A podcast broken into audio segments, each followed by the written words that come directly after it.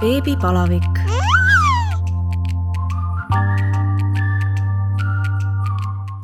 tere tulemast kuulama Õhtulehe podcasti Beebipalavik. mina olen saatejuht Katariina Toomemets ja täna on minu külaliseks imeline, armas Helja Sillamaa.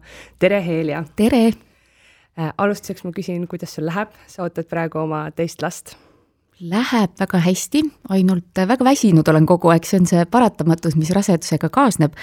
aga need hetked, kui ma ei ole väsinud, on väga palju energiat nii et väga hästi läheb no enne, kui me hakkame siis rääkima sinu teisest lapseootusest, ma tahaks alustuseks siis rääkida sinu esimesest lapsest, peaaegu kaheaastane Paul.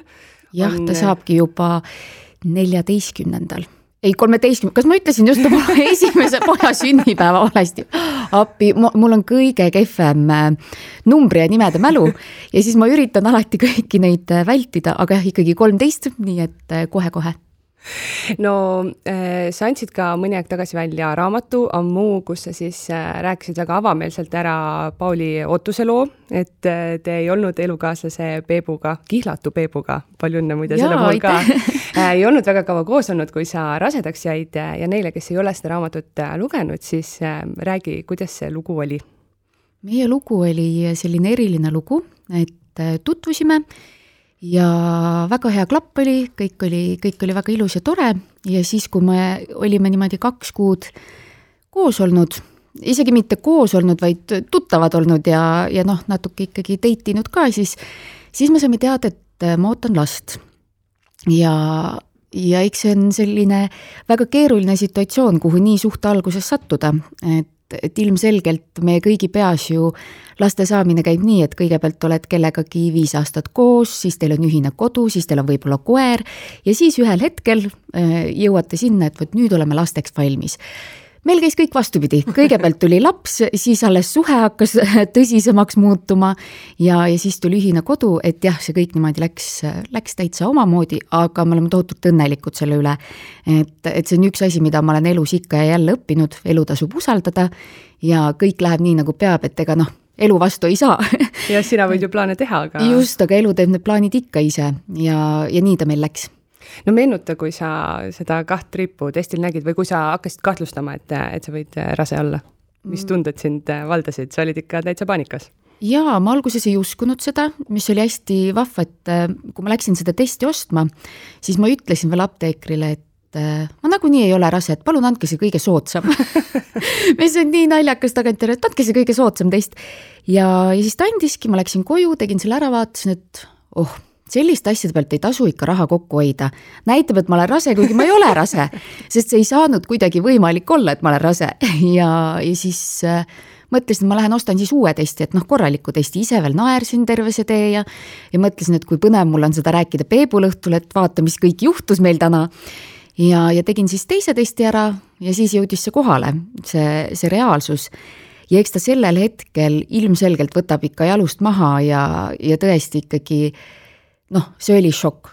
Äh, ma usun, et iga naine teab seda ja ka iga mees, see on nii suur elumuutus, et, et ilmselgelt see, see ei ole sellel hetkel lihtne, aga mis oli ka minu raamatu mõte, oli see, et natuke anda seda julgustust, et ongi, kõik lood ei ole samasugused mm, -hmm. et, et mõni on mulle ette heitnud, et ma natuke nagu idealiseerin seda ootamatut rasedust mm, -hmm. sest noh, meil läkski Peebuga hästi, nüüd me ootame teist last, me oleme kihlatud ma ei tahaks mitte kellegagi teisega koos olla, et, et meil ongi tõesti imeline suhe ja kõik, kõik läks nii hästi, kui üldse saab. sa ei pea seda ju nagu pisendama. aga ma just mõtlengi, et, et samal ajal, et neid lugusid, kus on kellelgi kehvasti läinud, on ka väga palju, et kes tahab, loeb seda, aga ma arvan, et sellisel õrnal hetkel annab ikkagi toetust see, kui keegi ütleb, et see kõik läheb hästi ja mm -hmm. sa mhm. tuled sellest välja ja, ja isegi kui ei lähe täpselt samamoodi, siis äh, mu enda arst ütles selle kohta väga ilusti, et ta ei tea mitte ühtegi naist, kes oleks äh, laps, last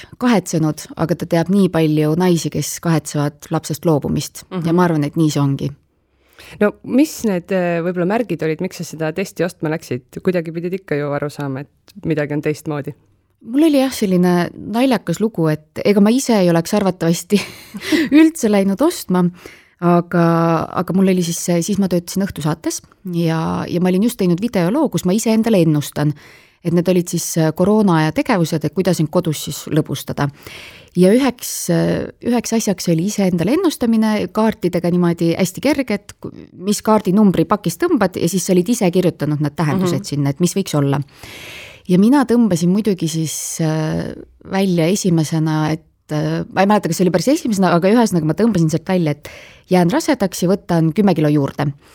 ja, ja ma ise veel naersin selle üle, siis tuli toimetaja, vaatas selle loo üle, tema naeris ka ja küsis, et äh, kas mul on päriselt oht olla rase mina siis ütlesin, et ei ole. ja siis ta küsis kuidagi jälle täiesti juhuslikult, et Heele, ega sul kohviisu pole ära kadunud mm.?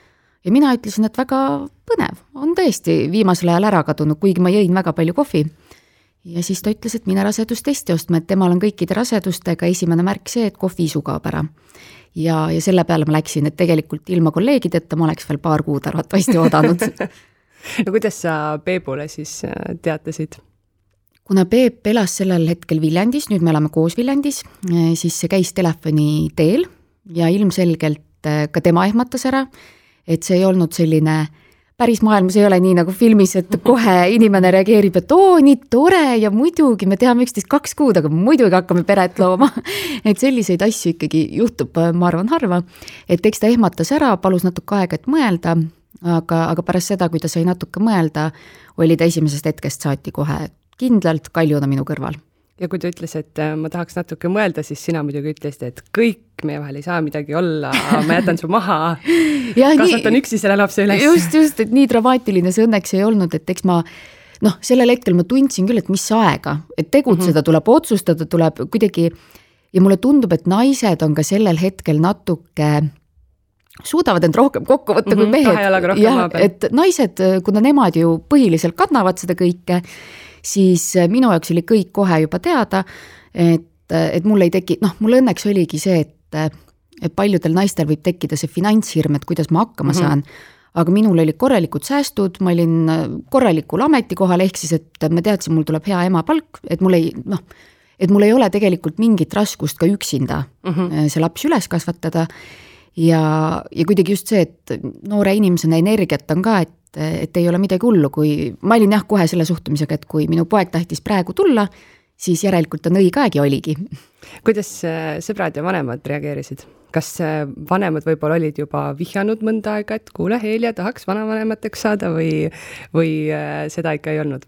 ei olnud, sest mul ei olnud sellist korralikku pikka suhet olnud üle pika aja et, et nad isegi Peebu kohta ei teadnud veel mm, -hmm. mis oli ka selline, selline humoorikas siis äh, situatsioon, et äh, esimest korda, kui ta mu vanematega tutvus, mina olin juba rase.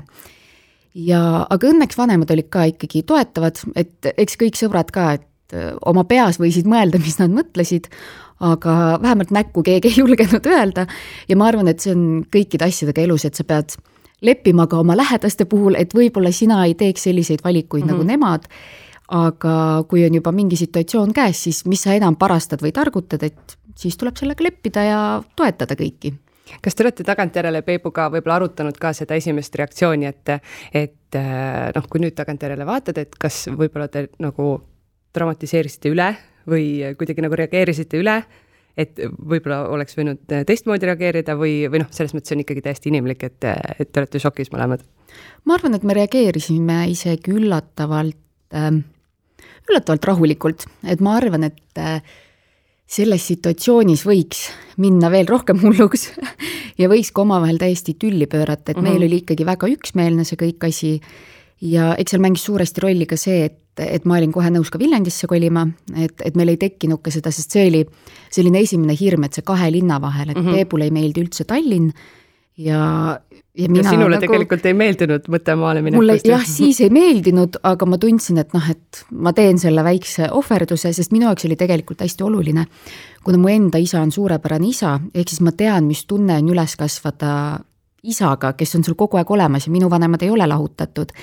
Et, et eks neilgi on raskemaid ja kergemaid mm -hmm. aegu olnud nagu kõigil, aga kuidagi ma võtsin selle endale ka hästi ikkagi südameasjaks, et ma tahaks, et minu lapsed ikkagi ka kasvavad terves perekonnas ja, ja kui ongi mõni raskem hetk, siis ma tegelikult teadsin algusest peale, et Peep, noh, ta tõestas mulle kohe, et ta on ideaalne kaaslane, et siin ei olnudki väga midagi mõelda kuidas Pauli ootus kulges, ma mingist intervjuust lugesin, et sa olid vahepeal suisa voodihaige. jaa, et see oli ka selline ootamatus, et kuidagi ikka, kui sa kuuled mujalt raseduse kohta, siis see on ikkagi kõik oma nendes ilusates kleitides hõljuvad, on, on imeliselt armsad palli kõhuga. ja, ja minul algas see hoopis nii, et äh, esimesed kolm kuud mul oligi, ma sain siis äh, arstilt tegelikult üheksaks kuuks ka äh, töölt vabastuse mm -hmm. nii-öelda, et haiguslehe, sest mul oligi väga ränk, ränk algus, ma esimesed kolm kuud ei saanud ise püsti voodist isegi ja vanemad käisid minu eest poes, noh, mõnel paremal päeval jõudsin sinna, maja all oli pood, sinna jõudsin, aga üldiselt jah, ikkagi väga, väga ootamatult keeruline. aga millest see siis oli, olid sul mingid seljavalud, paha olla? paha olla. Ja et see oli see, mis tegelikult ongi normaalne, aga mõnel see lihtsalt väljendub natuke tugevamalt mm -hmm. kui teisel. et nüüd see teine rasedus, mis mul on, äh, samamoodi algus oli raske, aga mitte nii raske õnneks mm. -hmm. et kuidagi selle esimesega jah, see keha kuidagi jah, võitles päris karmilt selle kõigega. aga läks paremaks mingil hetkel? jaa, õnneks ühel hetkel ikkagi läks paremaks, et äh, aga endale tundus ikkagi terve igavik see, kus oli paha olla no mis hetkel eh, siis paremaks läks, umbes niisugune kolme kuu pealt? mul läks kuskil viienda kuu pealt. Okay.. Ja... siis said hakata nautima ja hõljuda ilusas siis, kleidis? ega ma siis ka ei hõljunud aga siis tuli selline väike energiasööst, et siis ma isegi hakkasin paari saadet tegema, jõudsin nad ka ära teha, aga eks see oli ikkagi selles suhtes vaevaline, et miks ma praegu võtan ka rahulikumalt. Et, et ma nägin seda, kuidas me pidime ikkagi intervjuud vahel pooleli jätma, sest ma hakkasin ära minestama, et püstiintervjuud siis, et jah, ega ta ei ole nii kerge ja see on ka see, mida ma tahaksin ise hästi palju naistele südamele panna, et me tihtipeale vaatame teisi naisi ja me ei tea mm, -hmm. kuidas neil ju on. et me vaatamegi, et näed, aga kõik teised rasedad, mina tundsin küll, et nagu kuidas mina üksinda see hädapätakas olen, kõik teised teevad tööd, säravad, käivad pidudel ja siis olen mina see, kes hakkab kogu aeg ära minestama mm -hmm. ja et siin tulebki ikkagi hästi arvestada sellega, et loodus ei hellita kõiki ühtemoodi ja, ja see on ka sama ju pärast tegelikult sünnitust, et mõni taastub kiiremini, mõni ongi juba kahe nädala pärast tööl tagasi, mõni vajab ikkagi kõvasti rohkem aega. No ja näiteks, kui sa ju vaatad, ma ei tea, suunamudijaid Instagramis või noh, siis ongi see ju, mida sa näed, et sa ei, enamasti ikka ei jagata seda, mis seal taga on, mõned jagavad, et tõesti, mul on hästi paha olla ja, ja noh, et ei ole nii, midagi nii ilus, on ju. jah, sest ma arvan, et seal on ka see, et inimesed saavad aru, et kes see, seda minu virinat ikka viitsib kuulata mm. -hmm. et eks ma ise ka, ma olen ikka märku andnud, et jälle on natuke paha olnud ja raske, aga ega ma ka seda kõike kõike ei jaga, sest ongi, et mm -hmm. noh, pole seda negatiivsust vaja, et eks ma kannatan ära ja lähme edasi. aga siis samas jälle teised äh, näevad, et vot, et mina ei ole üksi jaa, seda küll, et seda ma üritan ka ise alati Instagramis endal ka võimalikult mm -hmm. palju edasi anda, et, et naised tunneksid end vähem üksikuna. Kui sa siis äh, lõpuks Viljandisse kolisid, kuidas teil see valmistumise, valmistumise periood algas, et äh, mis ajal te hakkasite, ma ei tea, võib-olla lapse asju ostma, tuba sisustama, mõtlema selle peale, mis vanker, mis iganes? meil selles suhtes läks väga hästi, et äh, meil on hästi sarnased põhimõtted et ei ole vaja lapse sünniga hulluks minna, ehk siis meil ei ole vaja kõiki uusi jalanõusid ja piimasoojendajaid ja mida kõike veel, et me kuidagi suhtusime mõlemad sellesse hästi rahulikult. et vaja on vankrit ja ülejäänud asjad, sest ma teadsin kohe, et äh, ma võtan ta enda kaisu magama, ehk siis meie voodisse, sest ma kuidagi tundsin, et äh, minus ei ole seda superema, kes jaksaks äh, öösel hakata teise tuppa jalutama, et siis võtta sealt voodist laps ja siis panna ta sinna tagasi. et, et Paul on päris pikalt, magas ikkagi meie, meie kaisus ja ega ta praegu ka, ta nüüd magab meie toas oma voodis, aga eks ta hommikuks on ikka kuidagi võluväel mm -hmm. meie juurde jõudnud. et aga mulle endale kuidagi jah, see lähedus just hästi meeldib, et, et pakkuda lapsele võimalikult palju seda ja minu meelest see on ka asjadest palju olulisem mm, -hmm. et pakkuda lapsele seda lähedust, soojust. mul läks ka imetamisega väga hästi. et selle koha pealt kõik see pulbrimajandus ja kõik see jäi minus ka õnneks, õnneks kuidagi sinna tahaplaanile sa vist nüüd äh, üsna alles lõpetasid imetamise ära? jaa, et tegelikult siin paar kuud tagasi, et ma päris pikalt imetasin ka ja kuidagi jah, mõtlesin, et kui, kui loodus on andnud praegu seda ja, ja poja ise soovib, siis miks ka mitte. no meenuta Pauli sündimise päeva, kuidas, milline tema sünnilugu oli? oi see oli ilus päev tegelikult, kui ma tagantjärele mõtlen sellele, et ähm, ma hommikul ärkasin, ma olin öösel tundnud natuke, natuke midagi valutas, ei teinud välja, ärkasin üles, sain aru, et okei nüüd ikkagi on see hetk, kus tuleb haiglasse minna ja me otsustasime sünnitada Tartus. ehk siis äh, helistasin Peepule, Peep oli just enda sõbra korterit ehitamas helistasin, et nüüd on aeg minna. kas sa olid äh, Tallinnas siis või sa Viljandis? siis ma olin Viljandis okay., jaa. et see on ka see, et mult on palju küsitud, et miks ma siis Viljandis ei sünnitanud.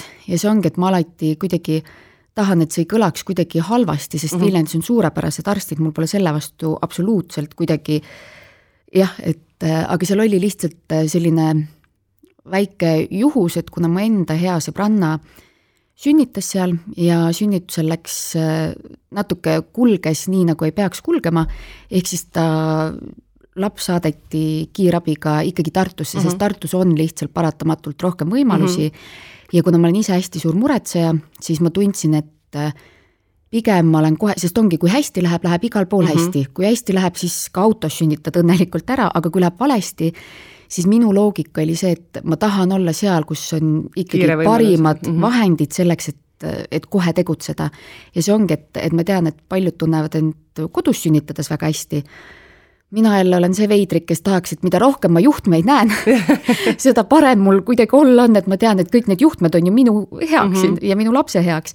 et jah, mina kuidagi näiteks kodusünnitus kindlasti ei suudaks, et ma põeksin nii üle seal ja jah, et sõitsime Tartusse, jõudsime kenasti kohale, mind pandi sünnituseelsesse osakonda ja Peep jäi mind sinna äh, haigla ukse ette siis ootama, sest oli koroonaaeg, ta ei saanud äh, kaks tuhat kakskümmend kõige hullem aeg ju. jah, kuigi meil sünnitusele lubati, et sellega meil läks hästi, aga kõik see eelnev aeg mm -hmm. siis äh, seitse tundi ja Peep istuski seitse tundi autos sest ma ütlesin talle ka, et sa võid ära minna, et mine mu õe juurde vahepeal, mu õde ei ela üldse haiglast kaugel aga tema ütles, et ta tahab kohe olla seal, et mm -hmm. kohe, kui öeldakse, et nüüd saab äh, Helja juurde, siis ta jookseb kohe ülesse ja nii oligi, et, et kui ma siis lõpuks talle kirjutasin, et nüüd on see hetk, siis ta oligi ikkagi kahe minutiga juba üleval ja, ja valmis mulle toeks olema.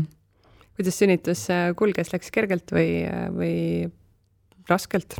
Ma arvan, et igale naisele tundub, et läks raskelt ja sest ma arvan, et sellist üdini kerget sünnitust pole üldse olemas, sest me teame kõik, kes me sünnitanud oleme, me teame seda valu aga, aga selles suhtes läks ikkagi, et meditsiinilises mõttes läks kõik väga hästi mm, -hmm. et mhm. ei olnud mingeid sekkumisi ja, ja sellel hetkel, kui ma siis tahtsin epiduraali, siis oli juba liiga hilja ehk siis see on loogiline, et kõik ütlevad, et ei ole midagi vaja ja siis sellel hetkel, kui tegelikult juba laps hakkab noh, nagu jõudma mm -hmm. lähedale, siis on see hetk, kus sul on nii valus, et siis sa oled, nüüd andke mulle kõike. aga siis enam ei saa, siis arstid ütlesidki, et nüüd sa hakkad juba vaikselt äh, pressima, et siin pole midagi muud teha ja, aga jah, et ainuke selline mälestus, mis mul sealt, sest ühel hetkel ikkagi sa ise kaod juba kuidagi teise mm -hmm. maailma ära, et sa oled nii, nii läbi omadega, et, et ega sa ise õnneks isegi ei tunne ühel hetkel, et see valu on juba sind nii ma ei taha tuimaks üldse, jah, et see on nii tuimaks teinud ja ma ei taha üldse tegelikult hirmutada, sest see kõik on minu jaoks just ma kõiki pigem julgustan sellega, et äh, ei, see kõik on tehtav, lihtsalt sellel hetkel on tõesti ebamugav mm. -hmm. aga noh, kõik saavad hakkama, et ei ole midagi hullu. ja mäletan, minu jaoks oli keeruline lihtsalt see, et kui juba poja käes oli, ta oli rinnal, kõik oli nii idülliline ja tore, siis öeldi, et nüüd me hakkame sind kokku õmblema. sest ikkagi mul üks lõige oli sealt tehtud skalpelliga mm. -hmm ja siis ma ütlesin küll, et kas me võiks seda homme teha, mille peale arst naeris ka, et eh, ei, me ei saa sind lahtise haavaga niimoodi. Ja ma täiesti siiralt sellel hetkel sul juba mõistused nii ja, läinud, et ma mõtlesingi, ma võin magada selle lahtise haavaga ja teeme homme, et siis noh, nagu ma olen natuke taastunud. Ja ei, siis õmmeldi ikka ära ja et kuidagi see oli see, mis, et kui sul juba laps käes on, siis on küll see, et no nüüd aitab. Mm, -hmm. et noh, nüüd ma rohkem ei viitsi küll siin midagi teha.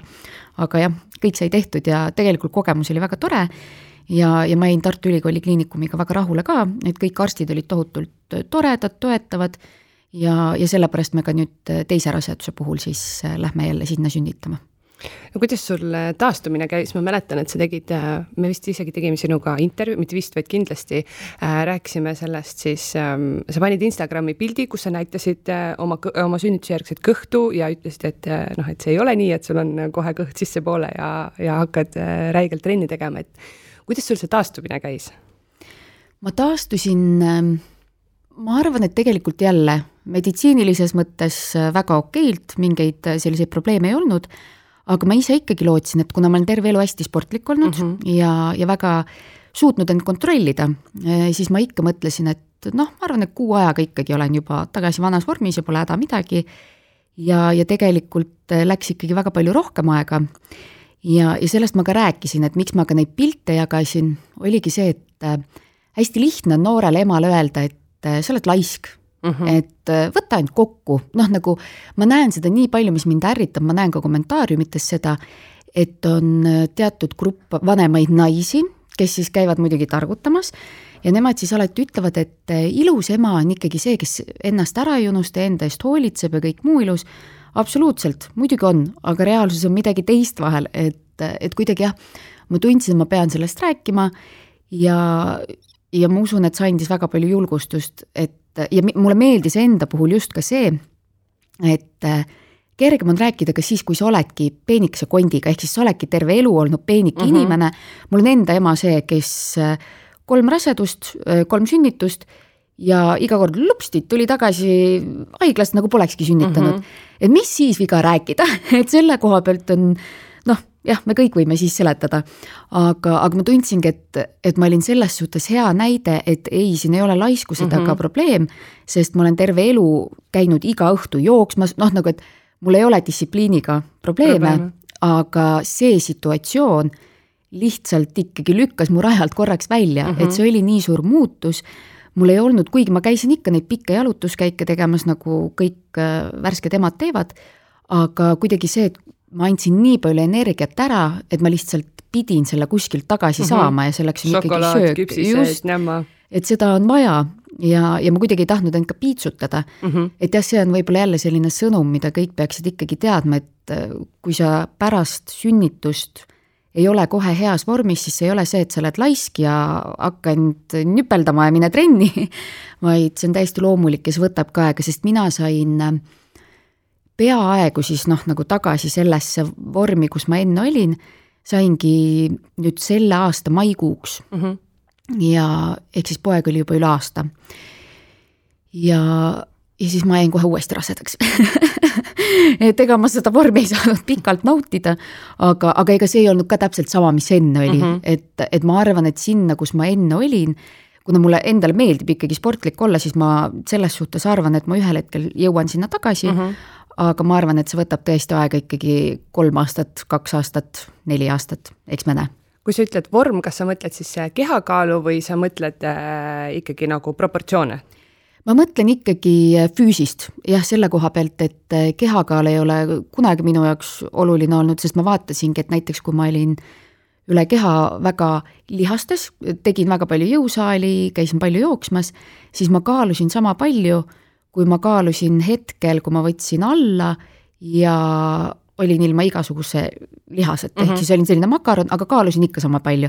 et see kaal tegelikult nagunii on selline väga mm -hmm. mõttetu asi, mida jälgida, et eh, pigem see enesetunne, et minu jaoks on hästi oluline, et mulle alati meeldis kuidagi see, et eh, et ma tean, et mul on seda võhma, et see on see, mida ma väga igatsen, et ma tean, kui ma tahan, siis ma jooksen lihtsalt praegu maratoni mm -hmm. ja mul mhm. ei ole vaja selleks mingit ettevalmistust.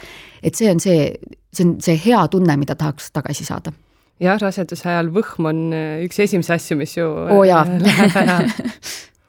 no millal sa siis äh, trenni hakkasid tegema pärast rasedust uuesti?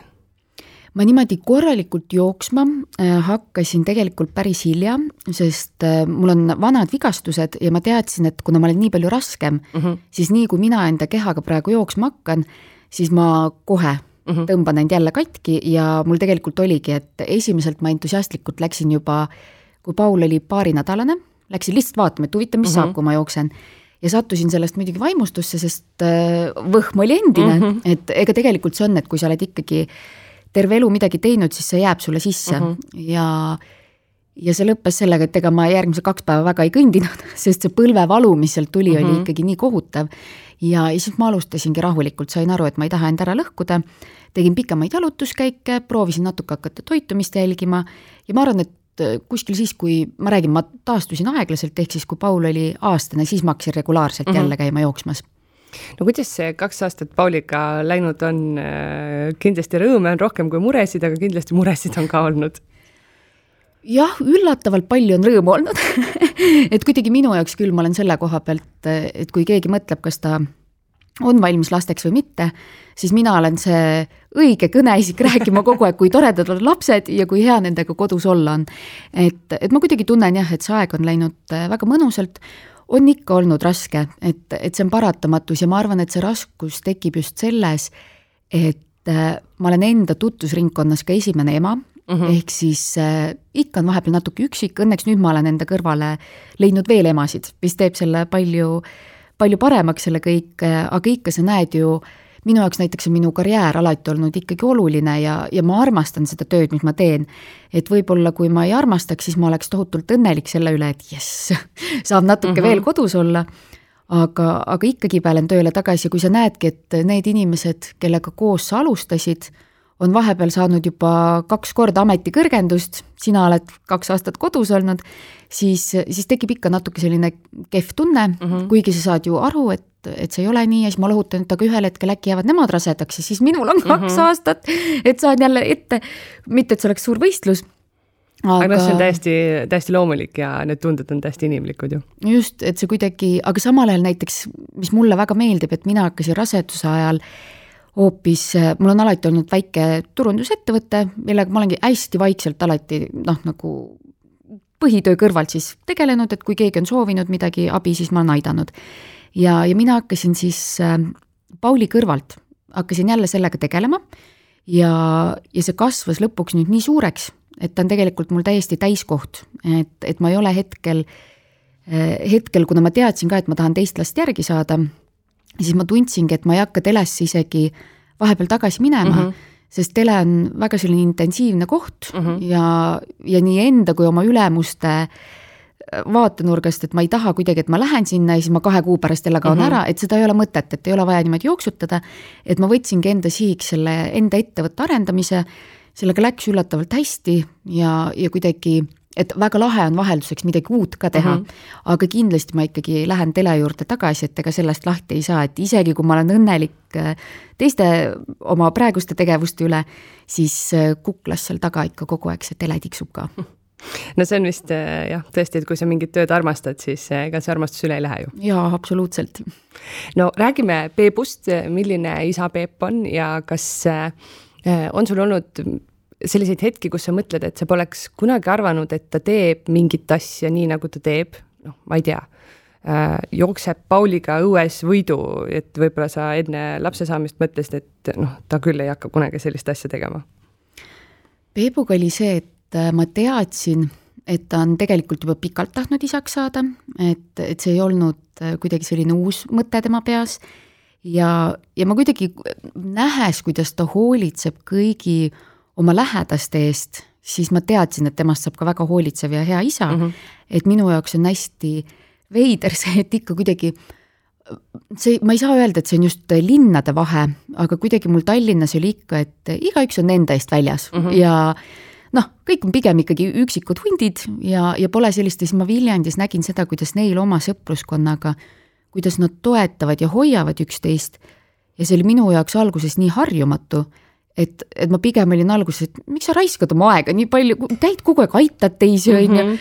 et iseenda eest tuleb seista, et mis sa siin teistega jamad, on ju. ja, ja nüüd ma olen ise selline, et, et mulle väga meeldib, et Peep on minus välja toonud selle, selle osa, mida väga pikalt minus ei olnud, et ma olingi ähm, ma ei tahaks liiga karm olla ja öelda, et enesekeskne, sest ma oma lähedasi olen ikka alati mm -hmm. hoidnud, aga, aga ma olin kindlasti enesekesksem, kui ma olen nüüd, et, et nüüd ma leian endas ka selle, et ma tahan inimesi suvalisel hetkel üllatada ja, ja neid aidata ja et, et see on hästi positiivne, mis mul on Peebust kaasa tulnud. ja, ja isana ta on ka ikkagi, mulle tohutult meeldib, et et juba Paul õpib ehitamist see oleks vist ka imelik, kui ta ei õpiks, kui Peep kogu aeg ehitab. just, et kuna Peep kogu aeg ehitab, siis ma alati vaatan kuidagi sellise, kuna meie peres ei olnud sellist käelist tegevust, meil mm -hmm. on mhm. kõik hästi. Äh, mõistusega? Äh, kõik käis mõistusega, et ongi, et, äh, et kuidagi käelist tegevust mitte kellelgi, noh, nagu ikka täiesti null. ja, ja kuidagi lahe on vaadata, et vau mul endal on mees, kes paneb kõik asjad mulle seina, kui vaja, ehitab nullist korteri üles, kui vaja. ja, ja mul on kuidagi juba hea meel Pauli tulevase naise üle, sest ta saab endale ka kuldsete kätega mehe. et eriti tänapäeval neid mehi on nii vähe alles jäänud, kes, kes päriselt oskavad midagi kätega teha. et, et selle koha pealt mul alati ikka süda heldib, kui ma vaatan, kuidas Paul selle puuriga mängib ja ma kujutan ette, et kõrvaltvaatajad kõik ehmataksid ära, et issand jumal, akutrell lapsel käes. Paulil on kogu aeg akutrell käes aga noh, sest me teame, et see, tal ei saa sellega midagi juhtuda mm -hmm. selles suhtes, et see kontroll on olemas. ja, ja ma väga usaldan Peepu, et Peep ise ka, aga kuidagi see, et me anname talle juba, sest ega ta ei oska veel midagi teha mm. -hmm aga ta juba ta, ta näiteks ja et ta tutvub ja kui me käisimegi siin sõbra korterit ehitamas, siis seda oli nii tore vaadata, et nii kui Paul akutrelli kätte saab, ta oskab juba rohkem kui mina, et ta küll teeb seda mängult, aga ta juba teab, kuhu see ilusti sinna sisse käib ja kust see nupp käib ja et ma arvan, et ta juba jah, ehitaks minust rohkem asju valmis. no mm, kui äh, Paul sündis ja, ja Peebule laps kätte anti, mis tundega vaatasid neid? oeh, ma mäletan seda, et et ma ikkagi nutsin, mul oli hästi naljakas situatsioon haiglas, et kui me juba seal perepalatis olime, siis äh, ma ei saanud Peebu ja Pauli poole vaadata, sest ma hakkasin nutma. tean seda tunnet ja see on nii naljakas, sest kuidagi alati räägitakse noh, et kuidas see sünnituse järgne periood on hästi keeruline, hästi raske, aga keegi ei rääkinud mulle, et mina olin šokeeritud pigem sellest õnnetundest mm, -hmm. ma ei olnud kunagi sellist õnnetunnet tundnud. ja sellest keegi ei räägi, mis on minu jaoks jälle, et see on nii ilus ju. see on nii ilus, et räägime sellest ka ja, ja see oligi selline hale naljakas, et ma ütlesingi, et ma ei saanud nende poole vaadata, ma ütlesin Peebule, Peep, ära vaata praegu minu poole sest nii mul hakkasid kuidagi need emotsioonid käisid nii üle, et nii hakkasid pisarad voolama. ja, ja see on, mu ema on seda öelnud ja, ja ma olen sellega sada protsenti nõus, et eh, nii kui sünnib laps, saab ka see paarisuhe täiesti uue dünaamika mm -hmm. ja sa näed oma elukaaslast täiesti uues valguses ja, ja minu meelest jah, see on väga selline imeline aeg see ikka, mul ka kestis mingisugune paar kuud, et äh, kodus vaatad last, pisar tuleb silma, vaatad meest, lihtsalt pisar tuleb silma, vaatad meest lapsega, pisarad jooksevad. just, just no nüüd sa, nüüd te ootate teist last, äh, märtsis sünnib? Märtsi lõpp, aprilli algus, kuskil niimoodi, jah. Äh, räägi siis, millal teil, millal te otsustasite, et tahaks teist last saada ja miks see siis, ütleme, nii kaua aega võttis, et sa oled öelnud, et, et aasta aega te ootasite, proovisite ja, ja siis ta otsustas, et ta tuleb? jah, me otsustasime siis, kui mul oli jälle võimalik rasedaks jääda, ehk siis päevad olid äh, taastunud, siis me otsustasime, et tahame teist last kohe järgi. ja, ja siis hakkasime ka katsetama ja, ja läks tõesti aasta aega, mis oli, mis oli selles suhtes üllatav, et kui kui esimene laps tuligi meie esimesest koos veedetud ööst, siis me olime kuidagi ise väga enesekindlad mm. -hmm et järelikult, sest äh, mu õde, kes on teadlane, ta veel selgitas ka, et et sellist asja tegelikult juhtub tohutult harva, et saavad kaks võõrast inimest kokku ja neil klapib, noh, et see tõenäosus sealjuures, et neil klapib nii hästi, et läbi kõigi, kõigi kaitsevahendite, kõige ikkagi laps tuleb, on ju. et see on väga tõesti ikka üks miljonist juhtum ja, ja kuna me, me olime ise selle üle nii õnnelikud, et meie kehad nii tohutult hästi klapivad siis, siis kuidagi tundus jah loogiline, et, et järelikult see teine tuleb ka kohe niimoodi mm -hmm. soovi peale. aga läks aasta aega ja, ja see aasta oligi selles suhtes keeruline, et ikka inimesed, väga tihti on raske mõista teiste inimeste muresid ja, ja minu jaoks oli ikkagi mure, et, et miks ma juba ei jää, ma olin väga kurb, sellepärast paratamatult tekibki noh, et kui sa esimest korda hakkad last saama, siis sul ongi peas kogu aeg lohutab see arstide ütlus, et mm -hmm. lähebki aasta aega ja, ja kõik on veel korras. aga kuna minul käis see esimene nii kiirelt, siis ma ikka mõtlesin, et aga mis nüüd teistmoodi mm, -hmm. mis nüüd valesti on ja, ja et nüüd ikkagi... on ju see, et me tahame, me Just, ei hoia seda kuidagi valmis. ära, eks ju ja, ja seda ma naeran, et meie lastel on juba esimene ühine näitaja, neid absoluutselt ei huvita millal nende vanemad sooviksid lapsi saada, nemad tulevad siis, kui nemad tahavad ja, ja ma õppisin jah, väga selle aastase perioodiga seda, et et kuidagi see teiste murede pisendamine on see mm, -hmm. mida väga paljud teevad, mis on levinud ja et me võime selle pisendamisega minnagi sinna, et lõpuni välja, sest maailmas on alati keegi, kellel on sinust kehvem ja keegi mm, -hmm. kellel on sinust parem ja ma üritan seda kogu aeg meeles pidada, nii siis, kui ma tunnen, et ma olen liiga kehv et äh, kui ma tahan kellegi tasemele jõuda, siis ma lähen hulluks, sest ma ei jõua lõpuks, noh, nagu alati on keegi parem, sa mm -hmm. ei mhm. jõua sinna. ma just lugesin ühte raamatut, Rahapsühholoogia, kus ka rääkis väga huvitavalt sellest, et seesama fenomen inimestel, et et alati peab olema parem, et kuidas ongi inimesed ajaloos, kellel on rahaliselt, nad on olnud väga võimekad, nad on olnud väga suured eeskujud, aga see ei ole nende jaoks piisav olnud ja nad on sellepärast läinud ebaseaduslikule teele mm, -hmm. et jõuda ikkagi no kuskile täiesti sinna tähtedesse ja läinud siis vangi, kaotanud kõik, mis neil on, kaotanud oma maine.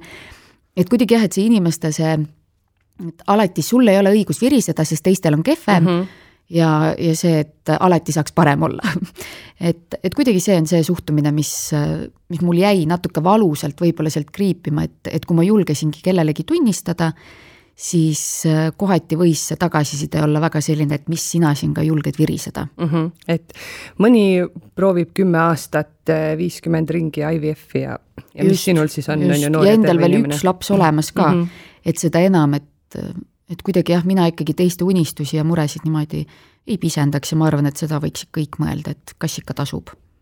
Kuidas teil see aasta selles mõttes kulges, et äh, kas te, ma ei tea, mõtlesite lõpuks, et, et läheks arsti juurde teeks mingid testid, kontrollid, äh, jälgisite kuupäevi, Peep, nüüd täna on see päev, kus võiks jääda rasedaks, magamistuba on seal?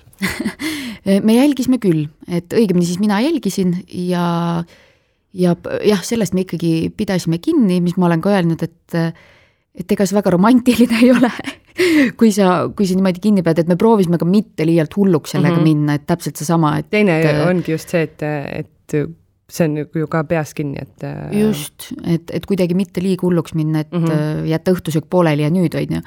et, et me võtsime seda rahulikult, aga arsti juurde minekuga ma ilusti kannatasin selle aasta täis mm. -hmm mis, mis ma ise julgen soovitada ja mida ka paljud teised ütlesid, et tegelikult ei pea seda aastat ootama mm. -hmm.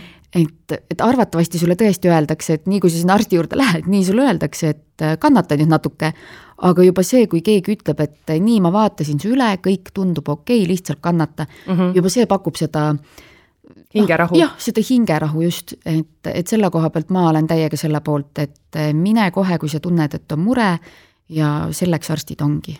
just, ja täpselt see, tuleme tagasi jälle selle mure pisendamise juurde, et, et kui sinu jaoks see on mure, siis, siis oma südamerahuks sa ju võid minna ja, ja kellegi asi ei ole kobiseda. jaa, täpselt no kui te need kaks triipu lõpuks saite, siis äh, kuidas sa Peebule teatasid ja, ja kuidas sa ise reageerisid? ma mõtlesin, et ma seekord äh, teen seda kuidagi hästi romantiliselt, et kui ma mitte saan telefonis mitte telefonis ja ma just mõtlesingi, et Peep on väga väärt seda, et kuna meil hetkel ei ole ka kolmanda lapse plaani, et arvatavasti ikkagi kahega piirdume, aga noh, kõik võib muutuda, kunagi mm -hmm. ei mhm. tea, praegu meile tundub, et kaks on väga hästi ja, siis ma mõtlesin, et tõesti, et Peep on väärt seda, et ta saab ühe sellise erilise ja, ja ilusa lapseootusteate siis ka endale. ja, aga juhtus ikkagi see, et kui see päev kätte jõudis, kui ma nägin neid kahte triipe, siis ma kohe mõtlesin, et nii, ma saadan talle sõnumi, ta oli proovis ja siis ma mõtlesin, et ma saadan sõnumi, ma ei suuda, no nagu ma olin nii õnnelik ise, et ma olin kuidagi nii selles sees ja, ja mul oli juba sõnum valmis kirjutatud ja siis ainus asi, mis mind tagasi hoidis, oli see, et äh, ma tean, kui oluline on mulle minu karjäär, talle tema karjäär ja ma mõtlesin, et ma ei saa terve teatritruppi proovi ära rikkuda sellega, et ma saadan lavastajale sõnumi ja siis ta on oma peaga kuskil terve see yeah. aeg. ja ma mõtlesin, ma ei hakka lihtsalt proovi rikkuma et see hoidis mind väga tugevalt tagasi. Ja kui ta siis õhtul hilja jõudis lõpuks koju, siis, siis ma ka niimoodi ma olin selle testi jätnud meile sinna voodi kõrvale, rääkisime niisama kõigest, et mis on, ja siis ma võtsin selle testi ja otsustasin, et äh, romantika asemel ma teen hoopis hästi minulikult seda, teeme musta huumoriga seda. Ja andsin talle testi ja ütlesin, et arva ära, kas mul on koroona või ma olen rase ja, aga see oli hästi armas hetk, võib-olla see kõlab liiga karmilt, mida mehele teha, aga, aga tegelikult see oli hästi-hästi arm, armas hetk ja, ja kuidagi see paar minutit segadust, mis tal oli, oli, oli väga vahva. Et ta oli tegelikult ikkagi, me mõlemad olime hästi õnnelikud selle üle.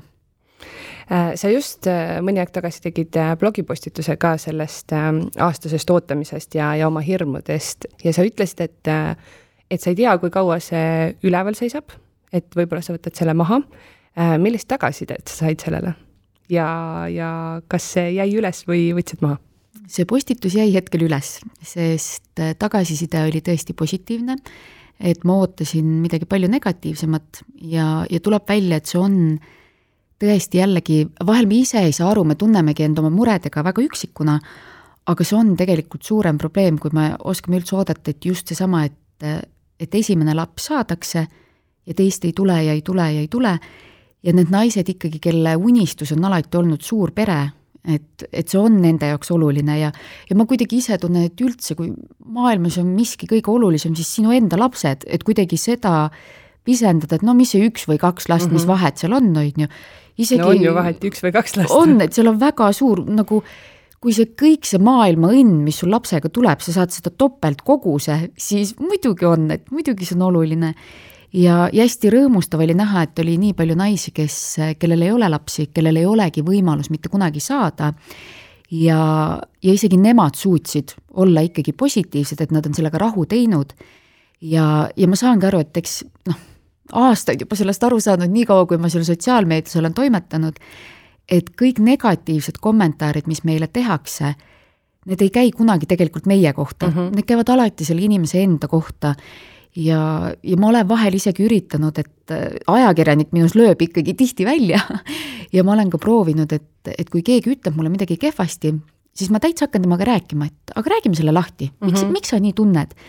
ja, ja need tavaliselt saab vastuseks eestlastelt ikka, et ai midagi, noh nagu, et keegi mm -hmm. ei mhm. taha sulle, et ta tahab lihtsalt sulle kehvasti öelda, aga kui sa ütled, et no istume maha, räägime sellest, siis ta ei taha, on ju ja, aga need üksikud korrad, kus ma olen inimesed kuidagi rääkima saanud, need on minu jaoks tohutud võidud olnud, sest äh, sealt tuleb välja ikkagi see, et äh, nagu silmaklapid peas mm, -hmm. et ma ei taha näha kõike positiivset, mis, mis ühe teema juures võib olla. ma tahan näha ainult seda negatiivset ja sellepärast, et minul on elus sellega kehvasti mm -hmm. läinud. Et, et kuidagi oligi, et minu jaoks oli hästi üllatav üks äh, selline vanem naine, kes ühesõnaga siis kritiseeris mind minu pere pärast, et ma olen ära hellitatud. ja, ja tema jaoks siis see ärahellitamine tähendas seda, et noh, minu jaoks oli see naljakas kuulda, sest ma olen Mustamäel üles kasvanud kõige tavalisemas panelkas, et ma ei tea, minu jaoks ärahellitamine tähendab tavaliselt, et kellelgi on mingi patakas raha, mis visatakse lauale, noh, kuidagi see tundub minu jaoks mm -hmm. ärahellitamine aga see, et nagu soojuse ja armastusega saab kedagi ära hellitada, see on täpselt selline kuidagi hästi kurb suhtumine, et kas me oleme tõesti selles ajas, kus me leiame, et las, laps peab üksinda toas mm -hmm. kinni olema, noh, nagu kuidagi jah, et see oli mu jaoks imelik. ja, ja oligi näha, et teda häiris see, et mu vanemad on mulle toeks, et mu vanemad on mulle alati olemas olnud, et ta luges mu raamatut, kus siis ma rääkisingi sellest, et näed, et kui, kui see kõik juhtus, siis ma kolisin korraks vanemate juurde tagasi, et end mm -hmm. koguda. Ja ma ise mõtlen, et minu unistus emana on see, et kui Paulil läheb midagi metsa, siis ta esimene mõte on, ma lähen koju, sest mm -hmm. seal on mu vanemad, kes oskavad mind toetada. ja, ja siis see oligi jah, minu jaoks hästi veider, et kuidas kellegi jaoks see saab olla ärahellitamine. noh, et see on kuidagi väga, väga teine definitsioon minu jaoks. Ja, ja siis rääkisin temaga niimoodi natuke aega ja välja tuli see, et siis tema leidski, et see on nõrkus. et kui mm. sa lähed oma vanemate juurde, noh, klassikaline selles suhtes suhtumine, arusaadav mm, -hmm. et hoiame oma mured ikka endale ja kannatame üksinda, eestlase mentaliteet, ära jaga mure ja, ja välja tuli see, et ta ise kuueteistaastaselt oli juba kodust välja kolinud mm, -hmm. sellepärast et ta vanemad ei hoolinud temast, oli raske lapsepõlv ja ma saingi aru, et see, see kurbus, mis temas on või see kuidagi see ma ei ütleks viha, aga see kuidagi see ebaõiglustunne mm, -hmm. mida tal minu raamatut lugedes tekkis, ei olnud seotud minuga, see oligi see, et ta lihtsalt tundis ka veel neljakümne viie aastasena, ma pakun, et ta oli kuskil niimoodi, et, et ta tundis ka selles vanuses, et see on ebaõiglane, et mm -hmm. inimestel on vanemad, kelle juurde nad saavad minna, mis paljude jaoks tundub normaalsus, kelle juurde ma ikka lähen, kui mitte oma mm -hmm. vanemate juurde. ja see ongi, et seda on huvitav vaadata, et ma alati mõtlengi, et tahaks inimestele öelda, et ära anna endast nii palju ära mm, -hmm. et mhm. ära kirjuta seda õelat kommentaari, sest ma saan kohe aru, ma saan kohe aru, mis sinu enda elus valesti on, sest sind häirib ainult see, mis sinu enda elus valesti on mulle tundub, et sellest äh, ärahellitamise teemast on kuidagi viimasel ajal äh, hakatud rääkima, võib-olla on asi selles, et, et mul on endal laps ja ma kuidagi puutun sellega kokku, aga näiteks Instagramis ka mingites videotes on noh, et sa ei saa ära hellitada oma last sellega, et sa võtad ta sülle, kui ta nutab, eks ju, ja, ja noh, kõik see, et kuidagi nagu mulle tundub, et seda tuleb, seda räägitakse avalikult, et tõesti võib-olla kui ma ei tea, nõukaajal oli see, et et laps peab õppima üksi magama, las nutab seal voodis, on ju, mingi mitu tundi, siis praegu on see, et et mine ikkagi lapse juurde ja, ja sina oled ju tema turvapunkt ja, ja ta saab aru, kui ta nutab, siis, siis ema tuleb ja lohutab teda, et see ei ole see, et sa hellitad ta ära. jaa, täpselt, et ma olen tohutult sellega nõus ja ma usun, et kui lapsel on juba väiksest saati see teadmine, et ma võin kõigi murede mm -hmm. korral pöörduda oma vanemate juurde, siis kuidagi mu enda elu on näidanud ka seda, et on inimesed, kes sulle tunduvad maailma kõige paremad inimesed sõpradena ja nad löövad sulle vahel nii tugevalt noa selga, et aga vanemad ei löö mm. -hmm. et kuidagi, et enda pere, et see on hästi, hästi nõme vahel nagu mõelda, et et kuidagi, et see veri ikkagi tõesti on paksem kui vesi et, et tõesti, et et kõik ülejäänud inimesed veel võivad mingil hetkel tunda, et ah, tegelikult ma ei tea, mis seal ikka on, ma ei viitsi või noh, nagu mida iganes, aga, aga su enda vanemad on ju need, kes on sul alati toeks. Ja, ja mina näiteks enda vanematega just olen vanemas eas saanud lähedasemaks, et kuna, kuna meil oligi väga keeruline periood, kus mu õel oli vähk. Ja, ja see oli täpselt selles vanuses, kui mina olin puberteedieas, õde oli ka noor, ta on minust poolteist aastat äh, vanem ja, ja kuidagi, et selline hästi hell aeg, mis mul oli mm, -hmm. mööduski täielikus vaikuses üksinda, sest keegi kodus omavahel ei rääkinud, et kõik olid stressis, kõik olid kurvad. ja, ja kuidagi jah, et nüüd tagantjärele ma olen nii õnnelik, et, et kuidagi see kõik, see suhtlus, mis jäi ära, et see nüüd tuleb tagantjärele ikkagi jõudis kohale mm. -hmm ja, ja kuidagi ka õega, et näiteks ongi, et paljud äh, räägivad ka sellest, et noh, et kaks last järjest, et ikkagi raske ja keeruline mina tunnen, et see on nii oluline just minu jaoks, et, et nad tuleksid järjest, sest minul oli õde, kes uh mhm. -huh. on endiselt, kes on poolteist aastat vanem ja see, kuidas ta ikkagi mõistab mind, noh, kas või mingi väike asi, et kuna sa oled ikkagi samas eluetapis mm, -hmm. siis äh, näiteks kui me kolisimegi enda koju, tema oli ka just äh, enda korteri saanud ja, ja ta ütleski, et Helja, täiesti tühja koha pealt Heili, ma tean, kui keeruline see on, kui sa oled kõik raha korteri alla pannud ja sul ei ole raha, et seda sisustada. kas sa tahad, et ma laenaksin sulle neli tuhat eurot?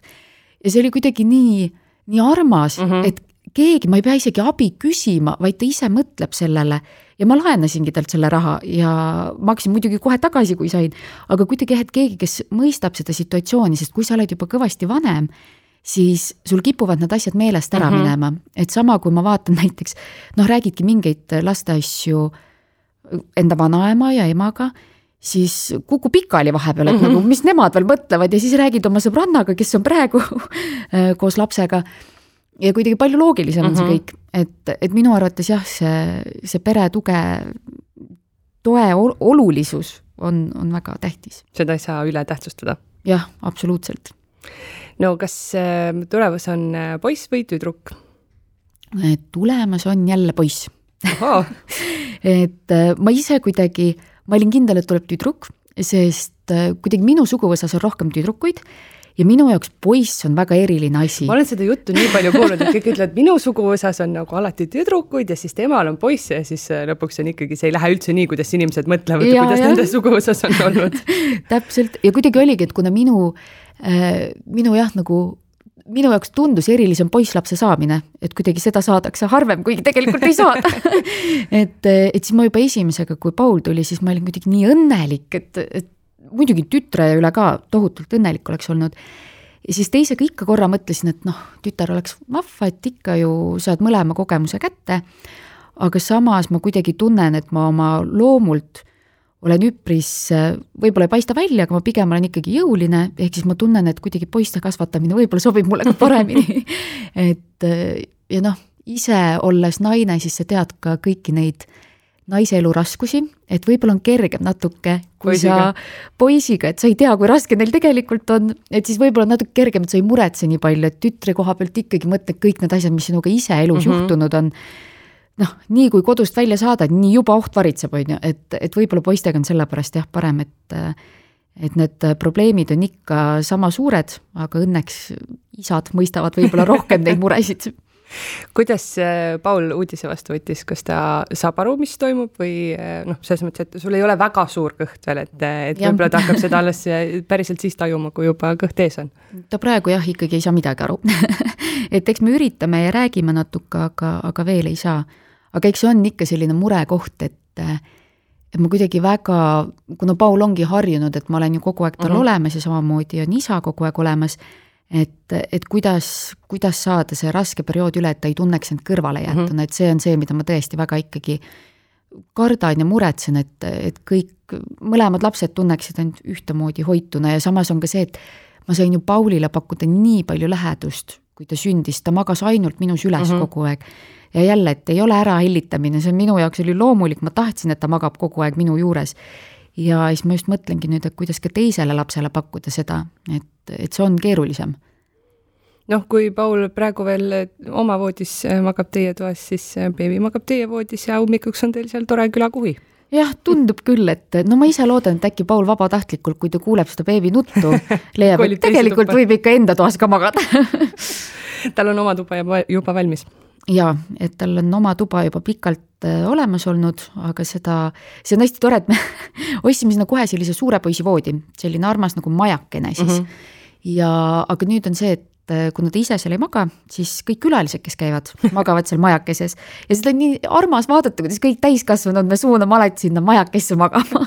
aga keegi pole kurtnud, kõigile väga hästi sobib see sa enne ütlesid, et teine rasedus on kulgenud äh, natuke kergemalt, räägi siis, kuidas sul äh, praeguseks läinud on?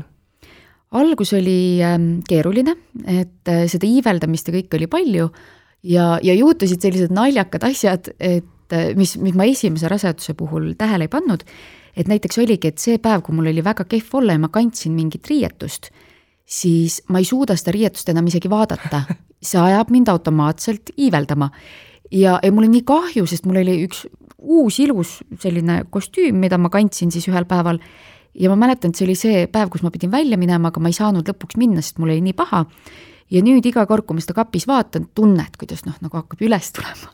kuigi iiveldust enam muidu ei ole. jah, kuigi muidu tegelikult ei ole enam et, et sellised äh, väiksed need anomaaliad, mis äh, on põnev vaadata, et naise keha on ikka uskumatult võrratu et, et selliseid väikseid asju on ikka olnud ja, ja eks seda, vot see väsimus, see oli ka, mis oli meelest läinud mm, -hmm. et ma ikkagi tunnen, et ma pean ka lõunal magama, et muidugi seda ei jõua iga päev, et pigem on see harv nähtus, kui ma jõuan seda teha, aga, aga kuidagi automaatselt tunned, et, et seda und on ikka kõvasti rohkem vaja mul oli küll nii, et äh, kui kell viis kukkus ja tööpäev lõppes, siis noh, kodukontoris ma lihtsalt kõndisin joonelt arvuti juurest äh, voodisse ja magasin siis äh, mingisugune kaks tundi, sest noh, terve päev oli ikka niimoodi, et üritad oma silma lahti hoida, no nii hull kurnatus oli lihtsalt kogu aeg peal. ja, ja täitsa mõistan kuidas te valmistute teise lapse tulekuks? sa ütlesid, et te kohe juba teadsite, et, et tahate kaht last väikese vahega, kas siis äh, kõik vankrid, turvahällid, äh, kõik vajalikud asjad on Paulist alles, seda enam, et nüüd tuleb jälle poiss või, või ikkagi vahepeal olete eest ära andnud? me jah, hoidsime kõik alles ja, ja ma pean ütlema, et ma endiselt olen selle koha pealt selline segaduses ema, et ma ei saa aru, mis värk kõigil nende vankritega on, mul on olnud üks vanker ja ka teine laps saab sellesama vankri ja siis ma loen, kuidas kõik kogu aeg vahetavad vankreid ja siis mm -hmm. nad uurivad vankreid ja siis on erinevad vankrid ja sul on linnavanker ja siis sul on metsavanker ja siis sul on reisivanker. ja see on minu jaoks täiesti selline, et ma kuidagi mingite selliste ema asjadega olen ikkagi väga äh, väga kusagil mujal, et ma ei pane üldse tähele, mis seal, mis seal ümber toimub või noh, ma panen tähele, aga ei mõtlengi, no sa oled lihtsalt ratsionaalne, sul ei ole vaja mitut vankrit. just, et ma selle koha pealt olen praktilise meelega ja see esimene vanker on väga tore, läheb ka järgmisele ja ainuke asi, mis ma tegelikult jõudsin mõelda, oligi see, et kui see äh, soo teema jõudis lähemale, et kumb sugu on, siis äh, ma pidin ostma Paulile talve kombeka. ja siis ma valisin küll äh, musta-pruunide karudega. et see on selline, mida saab nii tüdruk kui poiss kanda, et see oli see hetk, kus ma siis korraks mõtlesin, et peaks ikka selle soo peale mõtlema.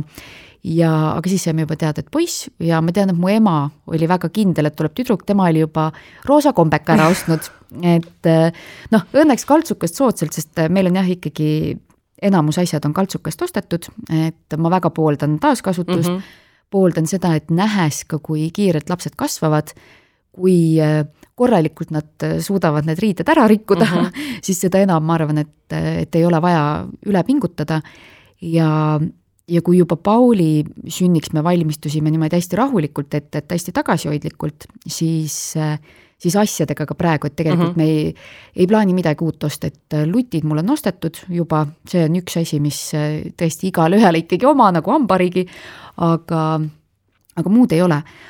Ainus asi, mis tõesti on just see vaimne pool, see ettevalmistus, et, et ma proovin näiteks, mul juhtuski niimoodi, et kui Paul sündis, siis mul oli veel pooleli saade Sünnitav Eesti ja, ja ma mäletan seda tunnet kui Paul oli nädalane ja ma pidin minema siis salvestama neid vaheklippe, noh, need voice over'id mm -hmm. siis. Mhm.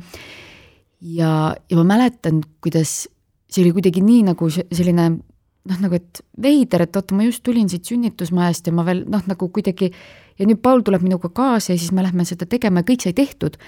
aga ma mäletan, et see ei olnud selline sa ei nautinud seda? ma ei nautinud seda ja, ja nüüd ma tunnen hästi tugevalt, et ma olen juba ka oma ettevõttega proovinud seda teha, et, et mingid asjad vaikselt, Peep on mulle väga-väga suureks abiks kogu aeg olnud, et õnneks ta, meie erialad on ühelt poolt hästi erinevad, teiselt poolt äh, ka väga sarnased, et, et ma saan väga palju asju talle usaldada mm, -hmm. mis ta teeb, mul on, mul on abiline Kaisa, kes on mul juba ühe suurema kliendi täielikult enda peale võtnud.